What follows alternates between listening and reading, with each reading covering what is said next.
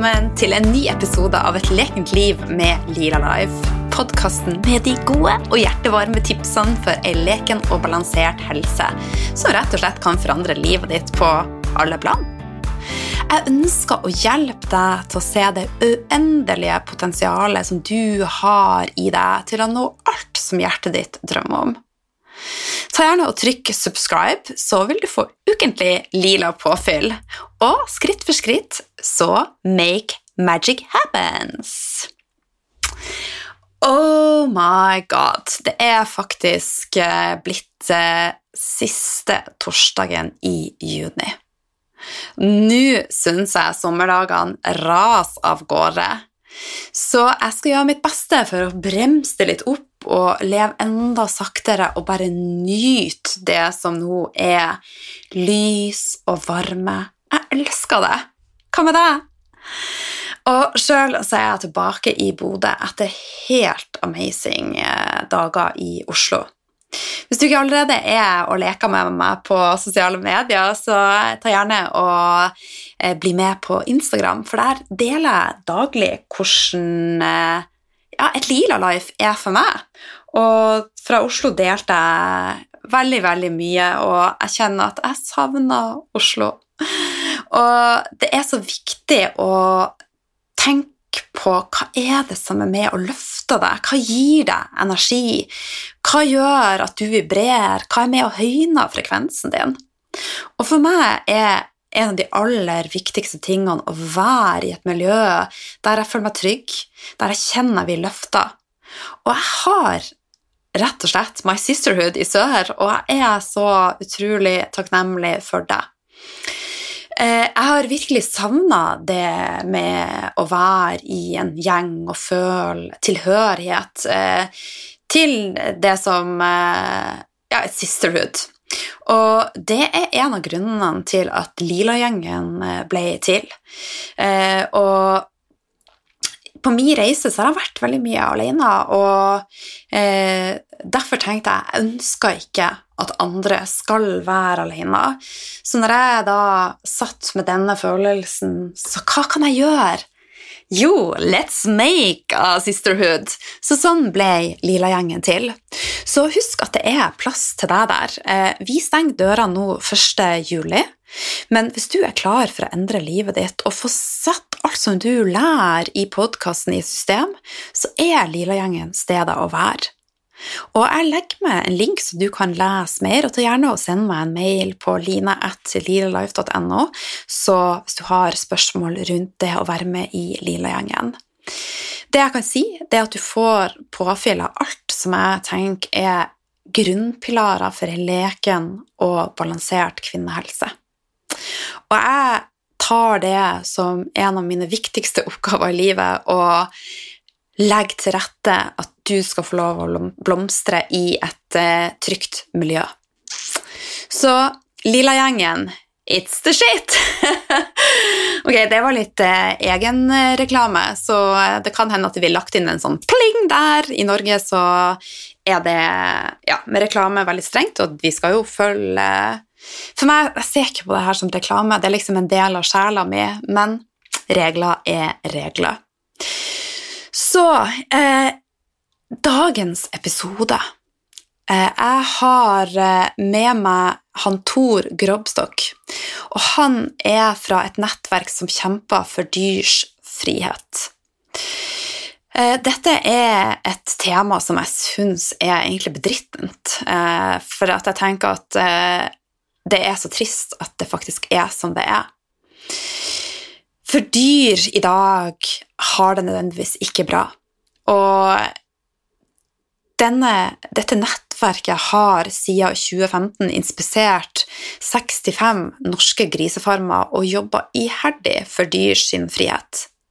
De brenner sånn for det her at de er faktisk villige til å ofre helger, ferier og nattesøvn for å jobbe for dyrene sin frihet. Eh, vi har jo tidligere hatt besøk av Norunn Haugen, eh, som da gikk undercover også i, eh, i flere grisefarmer og andre gårder for å se hvordan virkeligheten til dyrene egentlig er. Og en av grunnene til at jeg brenner så fryktelig for dette, er at dyrene de har ikke en stemme sånn som oss. Så de er avhengig av at de har noen som kjemper for dem. Så det hadde kanskje vært lettere for meg å bare lagt lokk på dette og ikke tatt det opp på podkasten, og kanskje tenkt at dette gidder jeg ikke å høre på, og dette er for tøft. Eh, mitt tips er å møte the reality og ta ansvar. Eh, sånn som jeg starta dette eh, jeg synes, altså, En av de tingene jeg gjorde, var å så dokumentaren som ligger ute på NRK, og jeg så den i bruddstykker. Jeg så den eh, passe på å ikke se det sent på kvelden. Jeg så det eh, på ettermiddagen, sånn at jeg ikke skulle få eh, ja, rett og slett problemer med å sove, mareritt Altså, mareritt kan man jo få uansett. Men jeg tenker at det er viktig at vi møter også vanskelige ting, og så kan vi bruke verktøy som vi mennesker har. Vi kan snakke om det, vi kan deale med det, vi kan bruke eterisk olje for å forløse følelser. Eh, vi har terapiformer. Alt som ikke dyrene har. Så jeg tenker at vi er nødt til å kjempe for, eh, for dyrene. Så eh, men før vi hopper inn i samtalen, så vil jeg bare si tusen takk til hver og en av dere som legger igjen i tilbakemelding. Jeg leser alle, og jeg setter utmåtelig stor pris på dem. Og husk at de tilbakemeldingene kan endre liv, for det betyr også at episodene når ut til flere. Så jeg har lyst til å lese opp eh, to tilbakemeldinger, og den ene er fra Sara. Den mest nærende podkasten på alle måter. Takk for at du deler så åpent og ærlig av din kunnskap og dine erfaringer, Line. Du er til stor inspirasjon for mange, inkludert meg selv. Jeg lytter stadig på podkasten din, har hørt nesten alle episodene, noen av dem har jeg hørt opptil flere ganger. Jeg begynner å bruke de aktivt i min reise.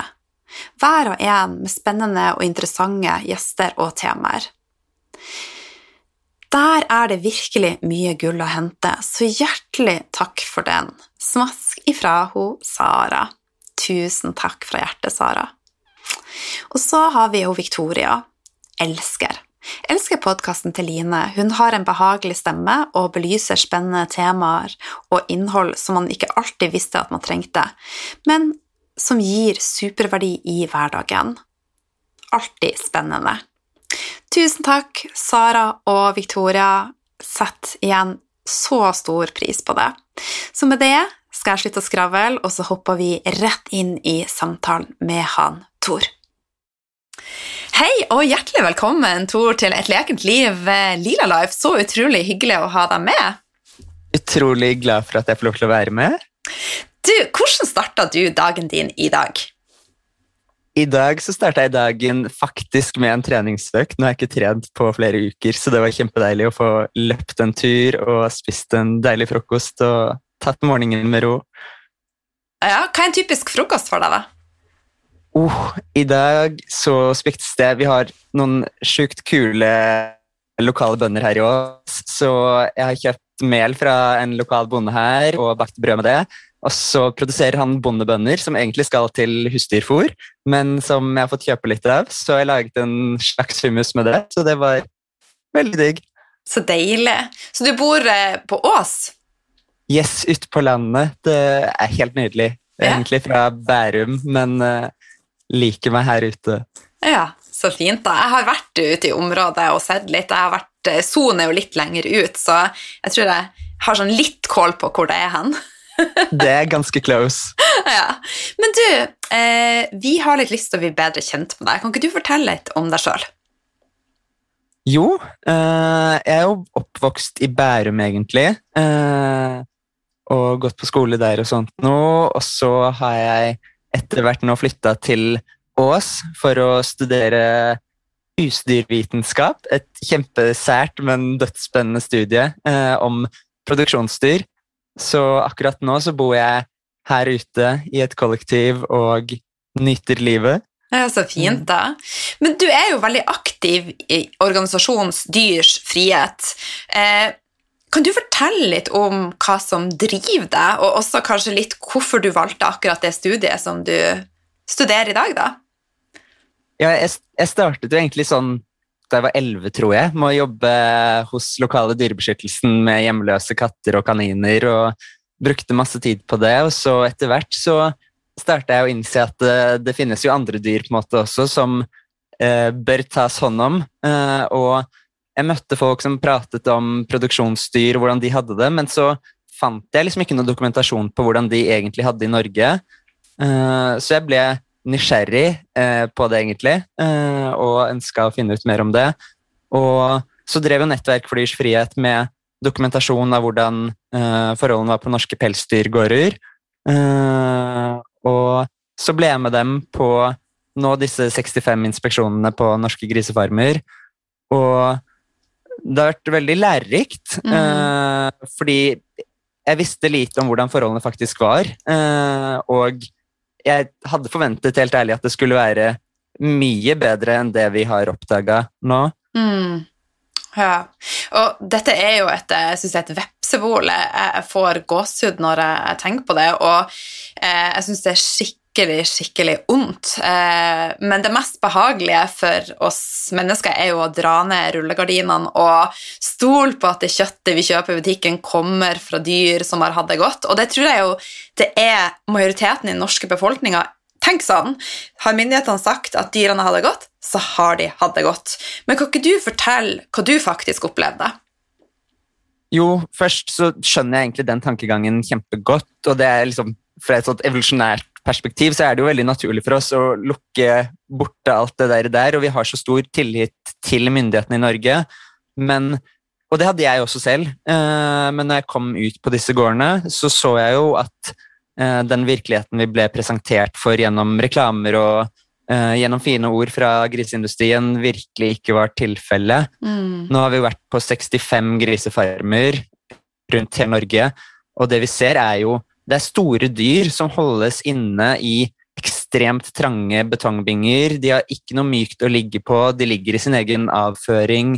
Jeg tror nesten ikke jeg har vært på en eneste gård der du ikke finner dyr med avspiste haler, store åpne sår. Det, det er ganske vondt å se på. Det, det er skikkelig vanskelig å være der ute og så dra fra de dyra uten å kunne gjøre noe for dem der og da. Mm. Ja, det skjønner jeg, skjønner jeg, veldig, veldig godt. Sånn at det er jo en, en tøff, men veldig viktig og nødvendig jobb som dere gjør, for dette gjør dere Eh, på frivillig basis. Det er ikke noe dere er lønna for, det er rett og slett bare en drive for å gjøre rett og slett en forskjell?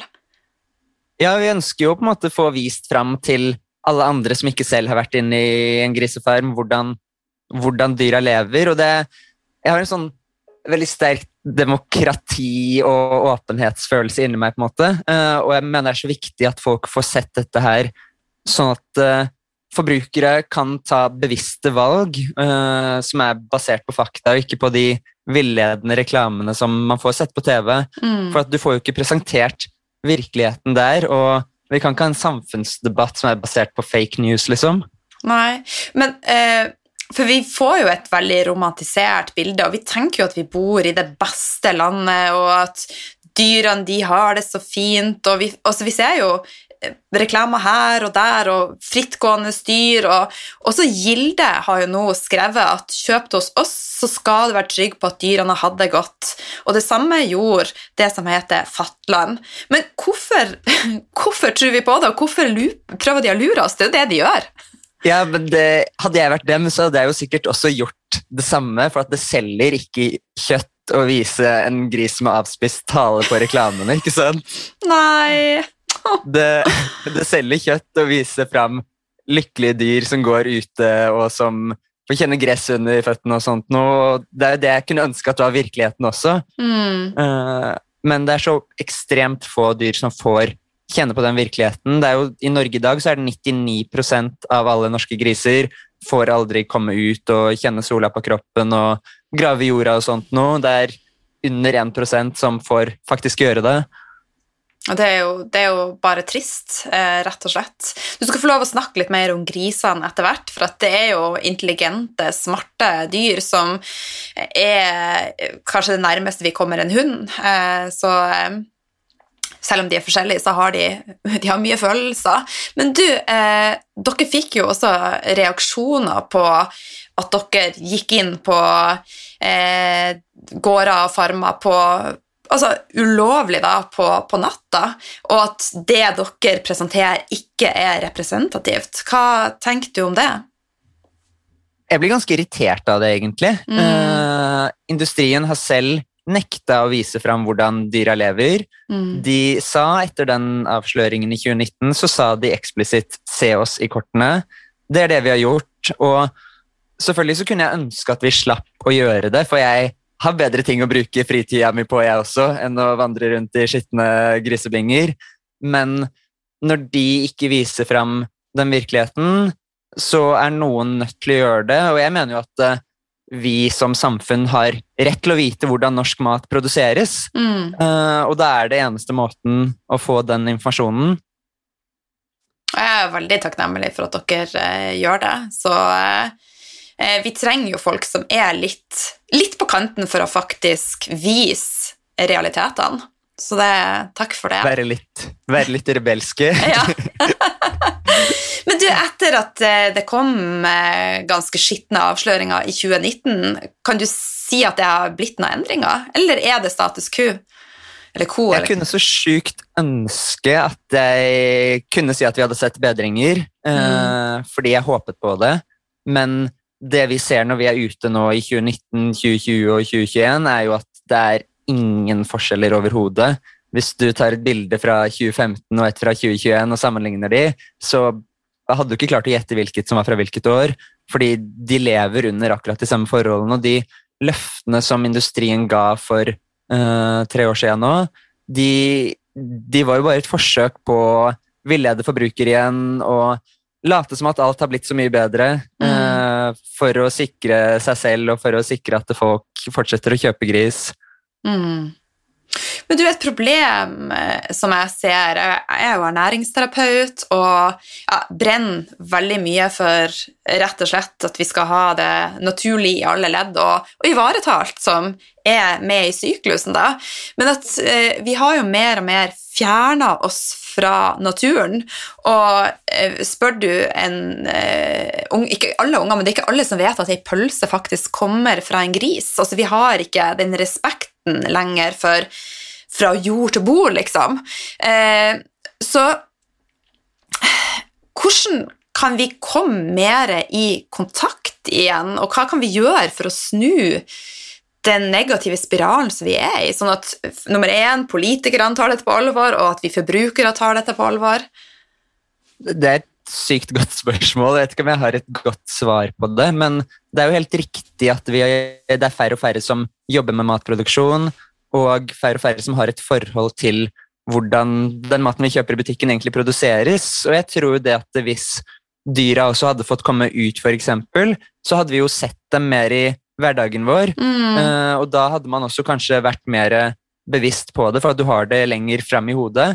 Uh, men så må man jo lære om det på skolen, f.eks. Uh, man må få det inn tidlig kunnskap om hvordan maten faktisk produseres, for det er jo altså, kjempeviktig. altså Bøndene er jo på en måte grunnlaget for hele vår eksistens. Mm. Uh, så vi heier jo 100 på bøndene. Vi bare ønsker at når vi skal holde husdyr, så må det skje på en forsvarlig måte, og på en måte som er i tråd med de verdiene vi har. For jeg tror de aller fleste i Norge er helt enige om at det er ikke sånn vi ønsker at dyr skal leve. Nei, det, det kan vi si oss enig i. Eh, jeg er jo sjøl vokst opp med å ha gårdsdrift i familien, og eh, jeg har hatt onkler som har drevet gård med både kyr og griser, og jeg har jo sett at det har vært hardt arbeid. Altså Det er arbeid fra, fra morgen til kveld, og min erfaring uten å kan for mye, er jo at det gang på gang skjæres ned, og det knyttes til. Så kan det være at bøndene faktisk også vi satt i et veldig klem her, at de har et enormt press på seg, eh, og at det kanskje må politiske endringer til? Ja, jeg tror du har helt rett i det, eh, og det er kjempetrist hvordan den utviklinga har vært. Vi har fått et mer industrilandbruk i Norge, Mm. hvor du holder stadig flere dyr på stadig mindre plass. Kjøttet skal stadig være billigere, og bonden får dårligere betalt. og det er jo det systemet som det er noe galt med, som man må endre. Det er ikke sånn at jeg tror at eh, alle bønder er dyremishandlere, på ingen måte. Nei. Eh, men man har endt opp i et system hvor eh, du har dårlig tid i fjøset, dyra har det trangt, og økonomien er kjempetrang, og da ender det opp sånn som dette her. Mm. Så at du, du trenger politiske endringer, du trenger at dyra får komme ut, du trenger mer plass, og du trenger at bonden får betalt for det arbeidet som hun og han faktisk gjør. Mm. Fordi det, det koster penger å produsere mat av kvalitet. Mm. Og det er jo også en ting som eh, Normalt så er jeg ganske sindig og rolig dame, men det, det bugger meg veldig at vi står i kø for å få den billigste skinka, og vi skal ha den billigste ribba, og jeg får bare lyst til å rive tak i folk og bare tenke litt på faktisk hva det er vi spiser for noe, og at det må faktisk koste mer enn det gjør i dag. Hva er dine tanker? Jeg er helt enig, og derfor er jeg ganske skuffa over bondeorganisasjonene også. For at eh, jeg kunne ønske at de sto på barrikadene med oss og kjempa for bedre dyrevelferd, for at bonden skulle få bedre betalt, for at vi skulle ta landbruket i en helt annen retning enn det vi har endt opp med i dag. Mm. Men i stedet så nekter jo f.eks. Bondelaget i debatter å svare på om de syns det er greit å holde en 100 kilos gris på under en kvadratmeter med betong. De nekter å forholde seg til de til annet enn lovbrudd. De mener at så lenge du følger regelverket i dag, så er det god dyrevelferd, virker det som. Mm. Uh, og det er der det skjærer feil. Uh, det blir en litt sånn klimafornekter-tankegang. Eh, og før du har tatt inn over deg og akseptert at det er utfordringer, så er det veldig vanskelig å få gjort noe med det. Mm. Ja, Så jeg kunne ønske at de heller liksom innrømte at eh, vi er på feil spor, og vi må jobbe sammen for å endre, endre på det. Og jeg tror det hadde gitt en så utrolig mye bedre hverdag også for bøndene. Altså, mm. det er ikke noe kult å gå på jobb i et skittent, trangt fjøs hver dag. Det er mye hyggeligere når du vet at dyret har det bra, går ute og Mm. lever gode liv. Mm.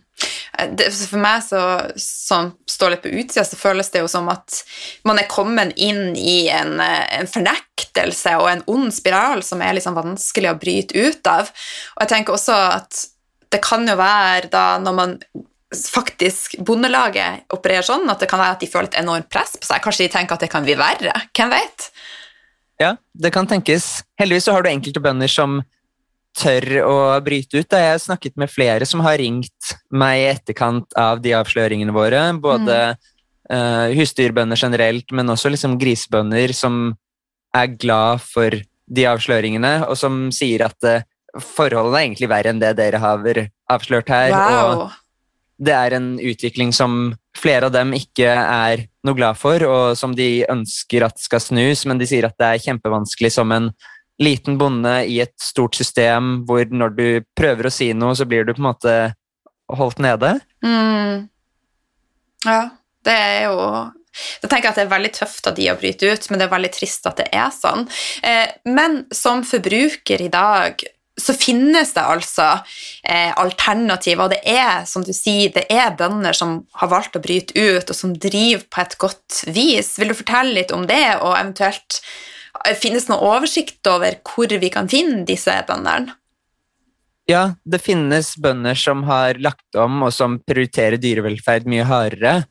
Eh, og så tror jeg først at vi uansett er nødt til å redusere kjøttforbruket vårt, fordi hvis alle griser skal få komme ut, eh, skal få mer plass, eh, så er det ikke mulig å holde så mange som vi har i dag. Så vi må redusere det uansett. Men det finnes de som har eh, driver annerledes, som har grisene ute, som lar dem få rote i jorda og få være sammen med mødrene sine lenger osv. Så. Eh, så de er på en måte lyspunkt som viser at det er mulig å endre systemet, men dessverre så er det i dag under 1 så det, det er ikke så mange av dem. Uh, og jeg har ikke noe full oversikt over det, men du finner det i mange butikker, og de er veldig tydelig merka, de som faktisk driver på en bedre måte. Mm. Man bare passer på at man ikke lar seg lure av disse reklamene til Gilde og sånn også, som later som at de dyra har det bra. Mm.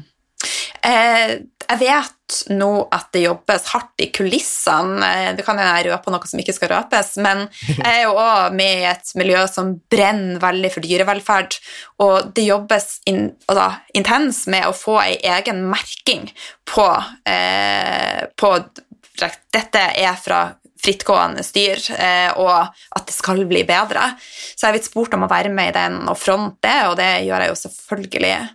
Så eh, jeg tror ja, Det tror jeg det er bra, og det gjør det enklere for folk å velge også. For når du står i butikken, har en litt hektisk hverdag, og det er 10 000 ulike ting foran deg, så er det vanskelig å vite hva man skal velge. og Det er derfor vi også har veldig fokus på det at eh, det er ikke bare forbrukeren som skal måtte stå med det ansvaret. Eh, det er en systemendring som kreves, og da må politikerne ta ansvar også. Mm, jeg er helt enig.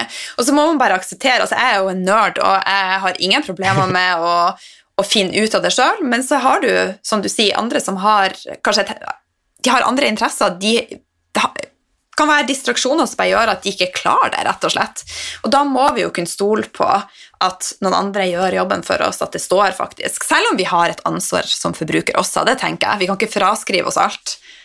Absolutt ikke, men det er vanskelig som forbruker også, særlig når du får alle de villedende reklamene, og du, du, det står jo ikke på pakka 'dette er produsert eh, av en gris som står på en kvadratmeter med betong', liksom. Eh, så det er vanskelig å vite ofte hvordan det du finner i butikken, faktisk er produsert. Mm. og Derfor trengs man både mer åpenhet om det og mer informasjon til forbrukerne. Og så må man egentlig Man burde kunne vite at uansett hva du kjøper i Norge, så er det produsert på en god måte. Mm. Men der er vi en et veldig veldig godt stykke unna det foreløpig. Ja, det er jeg enig i. Men så har vi jo Reko-ringer. Vi har eh, Sjøl så finner jeg både fra Stølsvidda, Grøsta, og det er et annet eh, merke. Jeg, jeg, skal, jeg, kan ta og legge det med, for jeg vet jo veldig mange forskjellige gode alternativer. Men du, kan ikke du fortelle litt om, om griser? Du har jo fortalt litt, eh, men fortell litt mer. jo, kanskje fortelle litt om de grisene som har det bra også.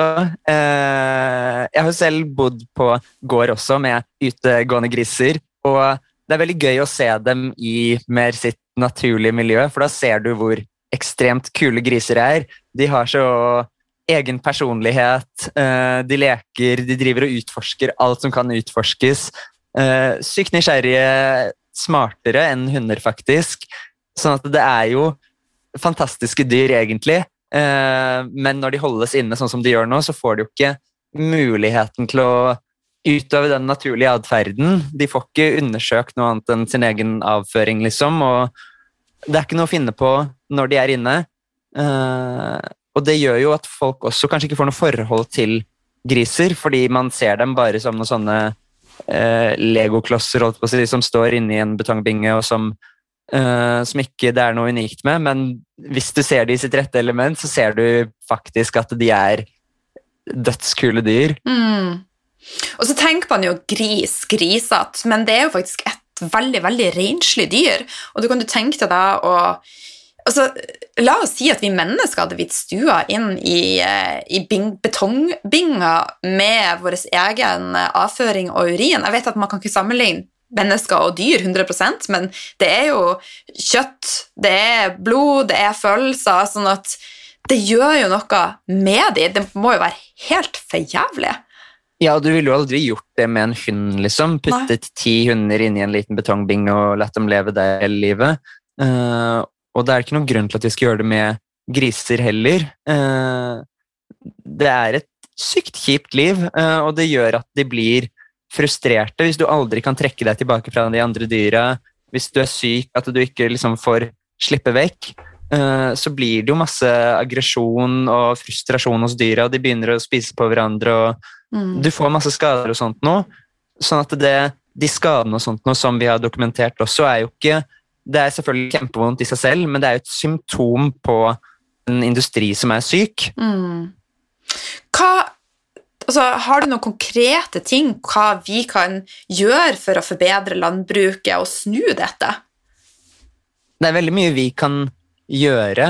Uh, vi kan påvirke politikere. Vi kan påvirke uh, forbruket gjennom å selv uh, gjøre egne valg. Vi kan etterspørre eh, mer plantebasert og eh, kjøtt fra dyr som har levd gode liv eh, i kantiner, på restauranter rundt samfunnet. Og vi kan prate om dette her, for jeg tror det å ha fokus på dyrene, og at folk flere lærer om hvordan grisene faktisk lever, det gjør også at vi blir mer bevisste, og at hele, eh, hele samfunnsdebatten og kulturen vår på en måte endrer seg og dytter mer i riktig retning. Mm. Gode innspill. Eh, men jeg har en følelse av at du er vegetarianer, er det det? Ja, jeg har jo vært ute på ganske mange grisefarmer nå, og jeg klarer ikke å spise kjøtt etter at jeg har sett hvordan de lever. Nei. Det, det knyter seg for mye i magen til det. Ja, det skjønner skjønner jeg veldig, veldig godt. Eh, jeg, for meg så har jo løsninga vært å redusere bruken eh, av kjøtt veldig, veldig mye. Og jeg tenker at det med takknemlighet er en viktig ting i livet mitt generelt. Så når jeg først spiser kjøtt som jeg da har brukt mye tid på å finne fra en lokal gård, så setter jeg utrolig stor pris på det kjøttmåltidet jeg har, og tar det ikke som en selvfølge. Og der tror jeg vi må ha ei lita holdningsendring, for at vi har en overflod sånn som det er i Norge i dag. Vi har tilgang på altfor mye. Så eh, det vil jeg bare en sånn liten oppfordring til deg som hører på. Vær takknemlig når du spiser kjøtt, for det er ikke en selvfølge. Nei, det er helt sant, og vi har jo hatt en enorm endring der også. Hvis man går tilbake til våre foreldres tid og besteforeldre, da de vokste opp, så var det jo ikke sånn at man bada i kjøtt sånn som man gjør i dag. Da var det et litt mer luksusprodukt man spiste i helgene, og så uh, spiste man mye beter og poteter og korn og sånt noe ellers. Jeg tror vi er nødt til å gå litt mer i den retningen uten at vi skal gjøre det 100% så må man i hvert fall verdsette maten mer, for det ligger ekstremt mye arbeid bak det, og ja, jeg tror det vil gjøre at vi også setter mer pris på den maten vi faktisk spiser, og på bonden som produserer det. Mm. Jeg husker jo, jeg er jo født på 70-tallet, så jeg husker jo når eh, vi spiste kjøtt, så var det som om mamma og pappa de bestilte eh, gjerne et slakt, da, så parterte vi det sjøl, og som du sier, altså, det var det var litt mer sånn fest når vi, eh, når vi først eh, spiste kjøtt, da. Eh, så Ja, jeg håper vi... ja. ja. Nei, unnskyld. Nei, rett. Ja, nei, det, det har jo blitt en litt sånn eh, lavverdiprodukt, på en måte. Eh, både gris og kylling, i hvert fall, har blitt sånn som eh, det koster en tier omtrent for en kyllingfilet eller en pølsepakke. Og det selges gjerne som sånn altså Det selges gjerne med tap i butikken også, sånn at de som kjøper andre produkter, de som kjøper norske grønnsaker, de må betale også den ekstra prisen for å dekke tapet som butikken har for kjøttet. Så det er jo en helt feil utvikling der også, hvor man stimulerer uh, til å kjøpe enda mer billig kjøtt som er produsert på en dårlig måte, i stedet for å stimulere til at man skal kjøpe mer norske grønnsaker og kjøtt fra gårder som har produsert bra. Mm. Det som eh, altså Det er jo utrolig trist, eh, men det som jeg også syns er litt sånn vanskelig, er jo at sånn som nå så når vi jo ut til de som allerede er bevisst. Hva kan vi gjøre for å nå ut til de som kanskje ikke er så bevisst? Er det noe vei? Jeg er ganske imponert allerede nå, for nå har jo NRK eksempel, vist eh, vårt materiale på Dagsrevyen. Det har vært mange hundre tusen lesere på artiklene deres på nett. Fantastisk. Det viser at man når, man når jo flere folk heldigvis enn oss som allerede er matnerder. Eh, så det er kjempebra i seg selv, men så tror jeg også, som du sa, at eh, politikerne må de må ha litt baller eller eggstokker eller guts til å til å rydde opp, så at ikke hver enkelt av oss trenger å være matgeeker og ha en mastergrad for å vite hvilken mat vi skal velge. Mm. Og der har jo vi som velgere en, et ansvar og en jobb å faktisk stemme på de som viser at de tar dette på alvor. Absolutt, og det er kjempeviktig. Nå er det jo valg i september, og der bør man tenke seg nøye om hva man velger, fordi det er veldig stor forskjell i partiene hvem som prioriterer dyrevelferd, og hvem som ikke gjør det. Mm. Har du noen parti som du syns eh, har satt ekstra fokus på det? Det er flere partier som har gjort det. Nå er vi i Nettverk for dyrsfrihet er eh, partipolitisk uavhengige, så jeg skal, ikke, mm. jeg skal ikke løfte fram noen spesielt nå, men jeg vil i hvert fall anbefale at folk setter seg litt inn i det, og det kommer helt sikkert noen sånne vurderinger også, enten fra media eller fra eh, også andre dyrevernorganisasjoner på partiprogrammene, hvem som gjør det best. Tidligere så har jo MDG, SV, eh, Venstre vært de som har uh, hatt desidert best dyrevelferdspolitikk. Det er det. Mm. Ok, tusen takk som, som deler. Men nå har vi jo prata mest om om gris. Hvordan er det med kyr og kylling? Nå har ikke vi vært rundt og inspisert kylling og storfefarmer, men du har jo hatt dessverre en litt lik utvikling i de produksjonene også. Uh, mm. Du har fått en mer industrialisering der dyra holdes inne, der de vokser raskere og raskere. Uh, sånn som på kylling, da, så lever jo en kylling bare sånn 28 eller 30 dager. Og undersøkelser fra Norge viser at halvparten av dem får beinproblemer fordi de vokser så raskt at kroppen klarer ikke å henge med. Mm. så det er store utfordringer der også, og samme med kyr så er det lite krav på utemuligheter. Okser får aldri komme ut, de står også inne i trange binger. Sånn at vi trenger en helomvending av husdyrproduksjonen, ikke bare for gris, men for de andre dyreslagene også. For jeg tror Altså Bare det å slippe dyrene ut, det, det er så selvsagt egentlig, eh, men likevel så gjør vi det ikke. Mm. Og det er, et, det er, noe hele samfunnet ønsker. Eh, det er ikke noen som vil at dyra skal stå inne hele livet. Jeg tror eh, enhver veterinær f.eks. kan med hånda på hjertet si at eh, dyra burde få komme ut, at det vil gi bedre dyrevelferd. Mm. Ja. Du, nå sa jeg kyr, det er vel bare hokua? så ok, okser er hanna, kyr er dame, og så har vi storfe, som er en fellesbetegnelse. Oh yes. det er liksom typisk eh, lila. Men jeg tror at eh, vi kalte alt for kyr da jeg var lita, så, eh, men da lærte jeg noe nytt. så masse ulike, Du har ulike typer kyr også. Noen som er bare for melkeproduksjon, noen som er for kjøttproduksjon. Ja, ja. Det er en jungel av ulike arter og raser og i det hele tatt. Ja. Jeg tror jeg må sette meg ned og lese litt og faktisk få enda mer eh, respekt.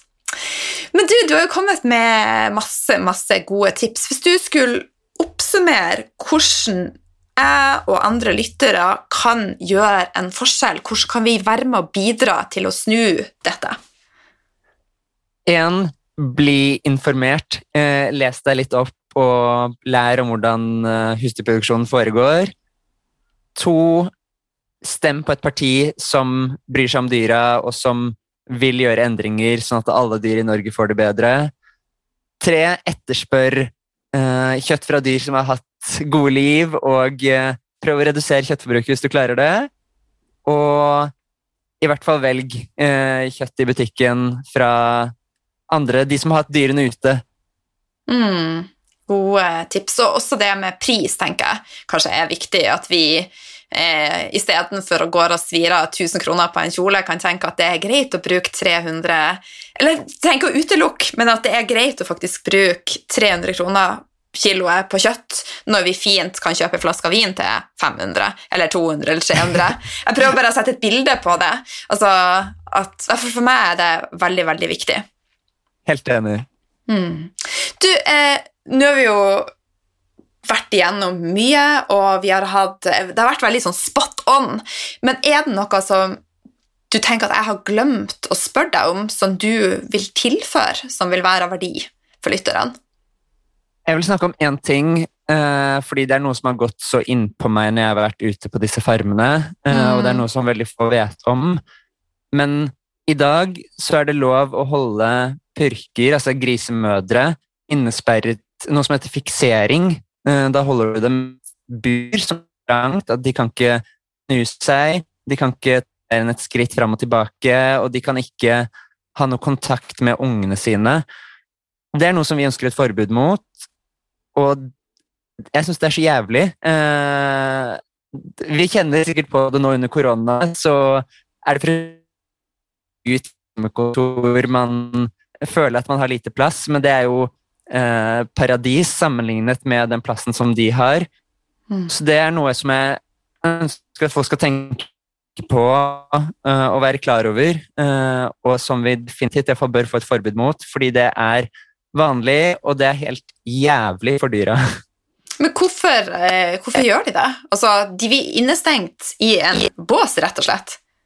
Ja, de står inni en sånn metallgreie som gjør at de må amme ungene gjennom sprinkler og ja, ikke får bevege seg. Det er, å, det er på grunn av økonomien igjen, som vi snakket om. Uh, de gjør det for at de får veldig mange unger nå. Uh, man har avlet på at purkene skal få store kull, uh, og de holdes i små binger, og da er det lett for purka å legge seg ned på ungene sine, rett og slett, for at det er så mange at hun ikke har oversikt over dem. Og da i stedet for å gi purka mer plass og avle på at de skal få færre unger. I stedet for å gjøre det, så tar man og stenger dem inne i disse burene, for at det er det enkleste og billigste. Mm. Og det er jo hjerteskjærende. Ja, det er noe av det jævligste jeg har sett når jeg er ute på disse gårdene, og det er sånn som sitter i hodet mitt. Jeg er egentlig ikke en veldig følelsesperson, men mm. det er vanskelig å glemme de dyrene som du ser der. Du ser liksom de enkeltindividene, hvor frustrerte og apatiske de er. Mm. Ja, jeg tenker at eh, dere må jo være litt sterke som faktisk klarer å gjøre denne jobben. Og på noe tidspunkt så må man jo kanskje bare stenge litt av for å klare å faktisk gjøre den jobben dere gjør. Ja, jeg tror kanskje jeg selv har stengt litt av. Uh, har mindre kontakt med egne følelser fordi at man jeg, jeg, kan ikke forholde meg til det når man ser så mye lidelse. Men det er jo en del av de som har vært ute på farmer, som har mer kontakt med egne følelser, som uh, som sitter og gråter rett og slett etter hver mm. farm, for at det går så inn på dem, og jeg er så ekstremt imponert over de menneskene som er så sterke og modige. Mm. Ja. Ja, nei, jeg vil bare si tusen takk eh, for, eh, for, den jobben dere eh, gjør, og vil oppfordre alle lyttere til å bli mer bevisst og tenke at du har krafta i deg til å gjøre en forskjell. Det er så lett å tenke at 'jeg kan ikke gjøre en forskjell'. Jo, akkurat du kan gjøre en forskjell, og den forskjellen du gjør, og du gjør, og du gjør, og du gjør, til sammen så vil det magi. Helt enig. Det er hver enkelt av oss som kan gjøre noe. Uh, vi må stå sammen og jobbe for en bedre verden for dyra. Mm. Du, hvor kan lytterne treffe deg, og også organisasjonen Dyrs frihet? Man kan finne oss på dyrsfrihet.no og på Instagram og på Facebook. Og så har vi også en egen side med mer informasjon om griseindustrien som heter betonggrisene.no. Der kan man lese mer om hvordan norske griser faktisk har det, og hvilke endringer man kan gjøre. og Der kan man også signere på oppropet vårt for bedre liv for grisene. Mm, jeg skal ta og legge meg linken til det, sånn at uh, jeg håper å se flere tusen underskrifter i løpet av uh, torsdagen. Og jeg har allerede delt det på min Facebook. Tusen takk. Tusen takk for tida di og for at du ville være med på podkasten. Tusen takk for at jeg fikk lov til å være med. Min største glede.